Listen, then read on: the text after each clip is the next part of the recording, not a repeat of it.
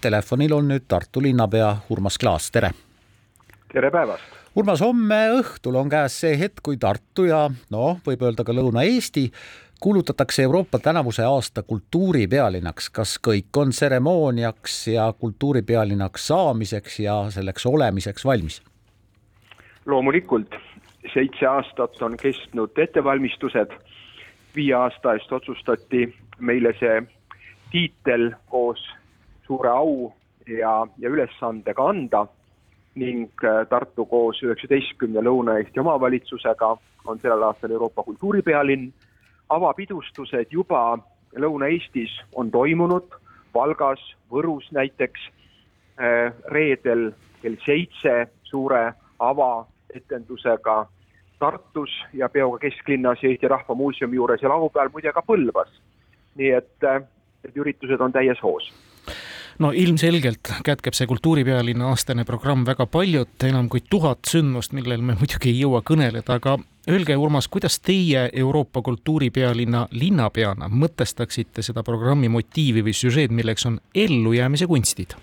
ja kui me seitsme aasta eest selle kontseptsiooni koos sadade äh, Tartu inimestega erinevatest eluvaldkondadest välja töötasime, siis me rääkisime nendest kunstidest, nendest teadmistest, oskustest, väärtustest, mis peaksid aitama meid eh, sellises olukordades, kus, eh, kus generatsioonide vahelised, põlvkondade vahelised eh, sidemed nõrgenevad, kus digitaalsel ühiskonnal, kui me kõik ninapidi oleme nutitelefonides ja arvutites, on oma negatiivsed mõjud kus eh, on eh, kliimaga seotud muudatused, kuidas linnasid ehitada selliselt, et tuleks toime kliimamuutustega. Need olid need teemad, kuidas jääda ellu nendes, nendes olukordades. aga keegi ei näinud toona ette, et tuleb Covidi kriis, tulevad vaimse tervise mm, väga suured teemad, sõda Ukrainas, sõda Euroopas praegu, need on kõik seda programmi ja, ja kontseptsiooni mõjutanud ja täna me räägimegi nendest teadmistest, oskustest, väärtustest, kuidas ellu jääda, kuidas toime tulla, kui, kui nii palju väljakutseid on meie ees ja loomulikult kultuur oma erinevate valdkondade mm, kaudu on kõige parem kõnetaja ja mõjutaja.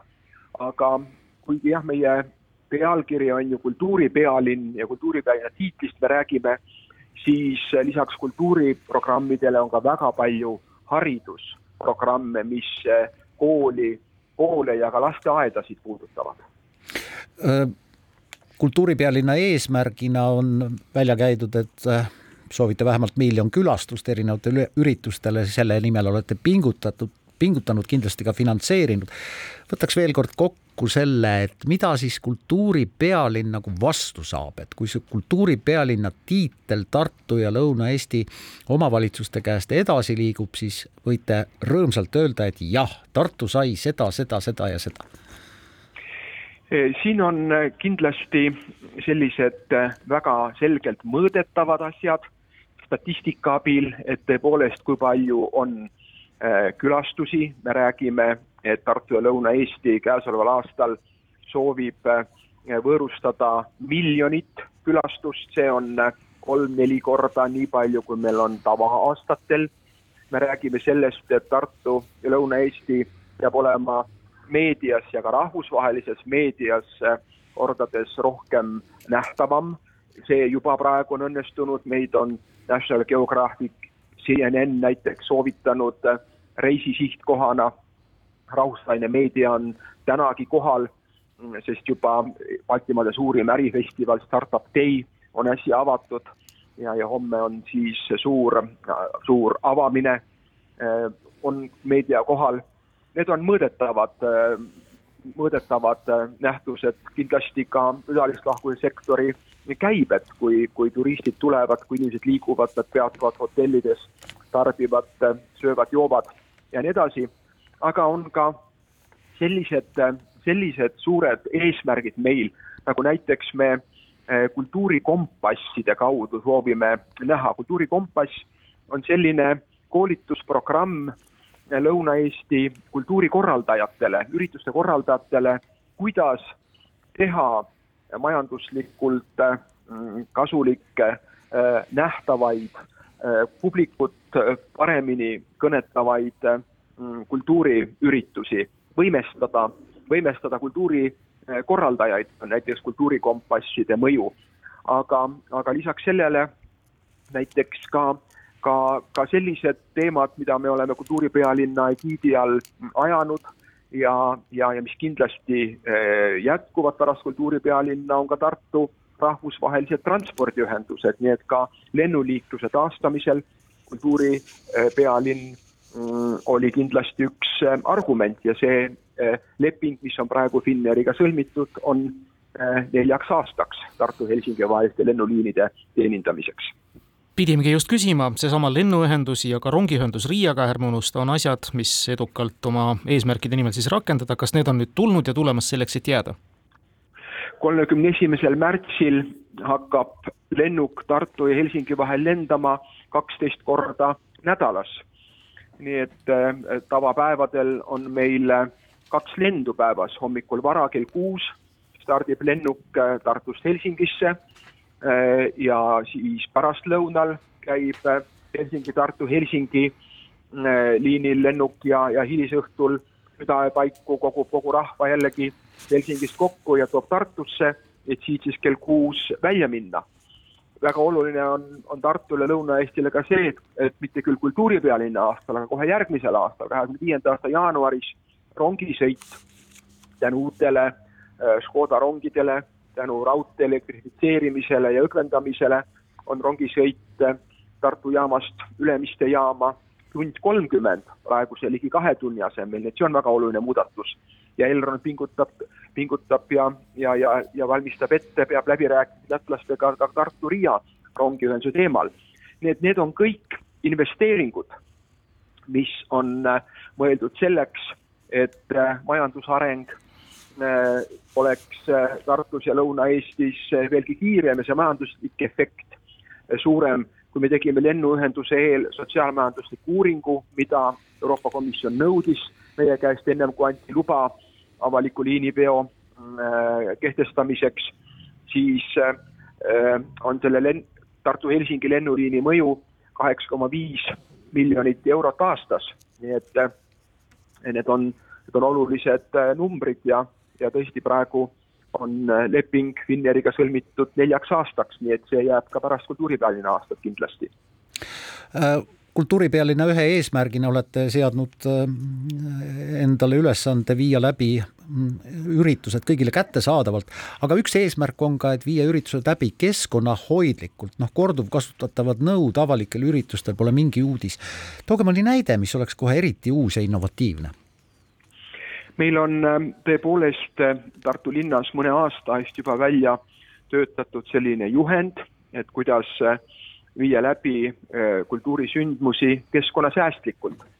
ja seesama nõud, nõude teema on oluline teema, kui te kujutate ette, milline oli Tartu, Tartus see väljak Eesti Rahva Muuseumi taga pärast Metallica kontserti mõned aastad tagasi, kui seitsekümmend tuhat inimest sealt üle käis, millised, millised äh, topsid seal olid ja, ja milliste, milliste kogustega see ära veeti, siis me mõistame, milline mõju on äh, heakorrale ja keskkonnale laiemalt äh, sellistel üritustel. nii et jah, need keskkonnasõbralikud nõud on üks tõsine teema ja teine teema on ka näiteks prügi eraldi mm, kogumine Urmas, ärksameelsus on üks nendest eesmärkidest, kuidas kultuuripealinna tiitlit kanda, mul viis mõtte kohe sinna üheksateistkümnenda sajandi keskpaika, samuti Tartusse ja see ärksameelsus viis ju esimeste laulupidude ja esimese ärkamise ajani. kas te tunnete ennast praeguses rollis Papa Jansenina? ma see on väga huvitav võrdlus, ma, ma sellist võrdlust ei ole, ei ole enda e, e, silmade ette suutnud manada. aga e, me töötame tõesti selle nimel ja näeme eesmärgina, et pärast kultuuripealinna aastat Tartu ja Lõuna-Eesti on teistsugusem, et ta on nähtavam, et need, need teod, need, need üritused, mis on ellu kutsutud, et need osaliselt jätkuvad pärast kultuuripealinna aastat, et meie kultuurikorraldajad on enesekindlamad nii, nii Tartus kui, kui, kui, kui, kui Lõuna-Eestis ja, ja, ja päevselge on ju see, et kui Tartu koos Lõuna-Eestiga on Euroopa kultuuripealinn, siis au ja, ja, ja väljakutsega see langeb ikkagi kogu Eesti peale. ja selles mõttes on mul väga hea meel koostöö üle mm, paljude ettevõtetega, olgu see Tallink või ka Lux Express näiteks, eh, kes on oma väga hea koostöökäe eh, ulatanud eh, meile. aga kindlasti jah, kultuuripealinn muudab, muudab Tartut, muudab Lõuna-Eestit, muudab Eestit kindlasti Tartu linnapea, kuidas Tartus õpetajate streik kulgeb ja kui, kui palju see linnale mõju avaldab? ega ta ometi kultuuripealinna avamise sündmusi ei kipu varjutama?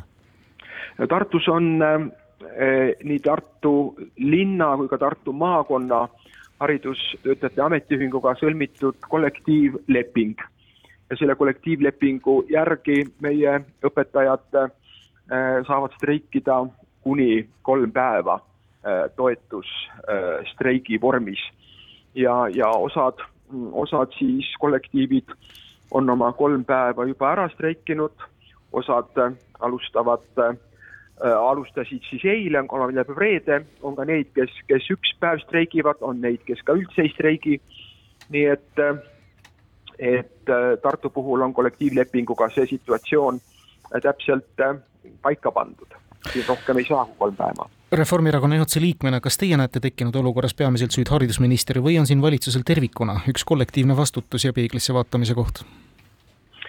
no mina näen siin äh, kahte äh, teemaliini. esimene on äh,, esimene on siis see, see kiire äh, teema äh,, kui räägitakse kümnest miljonist eurost, mis on palga lisaks tarvis see on kindlasti oluline teema, aga minu arvates on veelgi olulisem see pikaajaline vaade. Me peame väga tõsiselt, väga tõsiselt oma hariduskorraldusse sisse vaatama. me kulutame sel aastal kuus koma kaks protsenti sisemajanduse kogutoodangust haridusele, keskmine Euroopa riik neli koma seitse. kuhu see raha siis läheb? ning, ning mm, probleem on ju õpetajate töökoormus, probleem on õpetajate järelkasv, eh, probleem on, probleem on eh, selles, et, et, et õpetajate, õpetajaid ei jätku tõepoolest, aga vaatame nüüd selles mõttes ka veelgi laiemalt, meil on väga paljudes kohtades tööjõupuudus.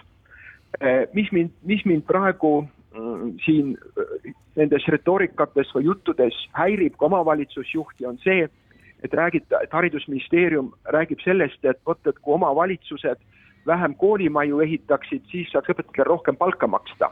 see on väga ebakompetentne mm, jutt, eh, sellepärast et eh, kui nüüd kõigepealt rääkida koolimajadest, siis viimased eh, toredad koolimajad millest meedia on ka ju teinud kenasti ülevaateid, on ju ehitanud Haridus-Teadusministeerium riigigümnaasiumite näol. aga teiseks, kui me vaatame meie koolimajasid, siis nad vajavad ju remonti, see on päevselge ja remondirahast ei ole võimalik palka maksta, sellepärast et palka tuleb maksta iga kuu, igal aastal, aga koolide remondiraha on ühekordne väljaminek, need asjad on, on segi nagu puder ja kapsad ja, ja selguse loomine ja, ja, ja selle suure raha sees see kuus koma kaks protsenti SKT-st ja raha sees selguse loomine on äärmiselt oluline, nii et, et ma väga loodan, et need teemad, haridusreformide järgi vajadus, millest me räägime, et need ei upu ja ei kao ära praegu kümne miljoni jutu sisse. minu meelest see suur, suur teema on, on, on äh, oluline silme ees hoida.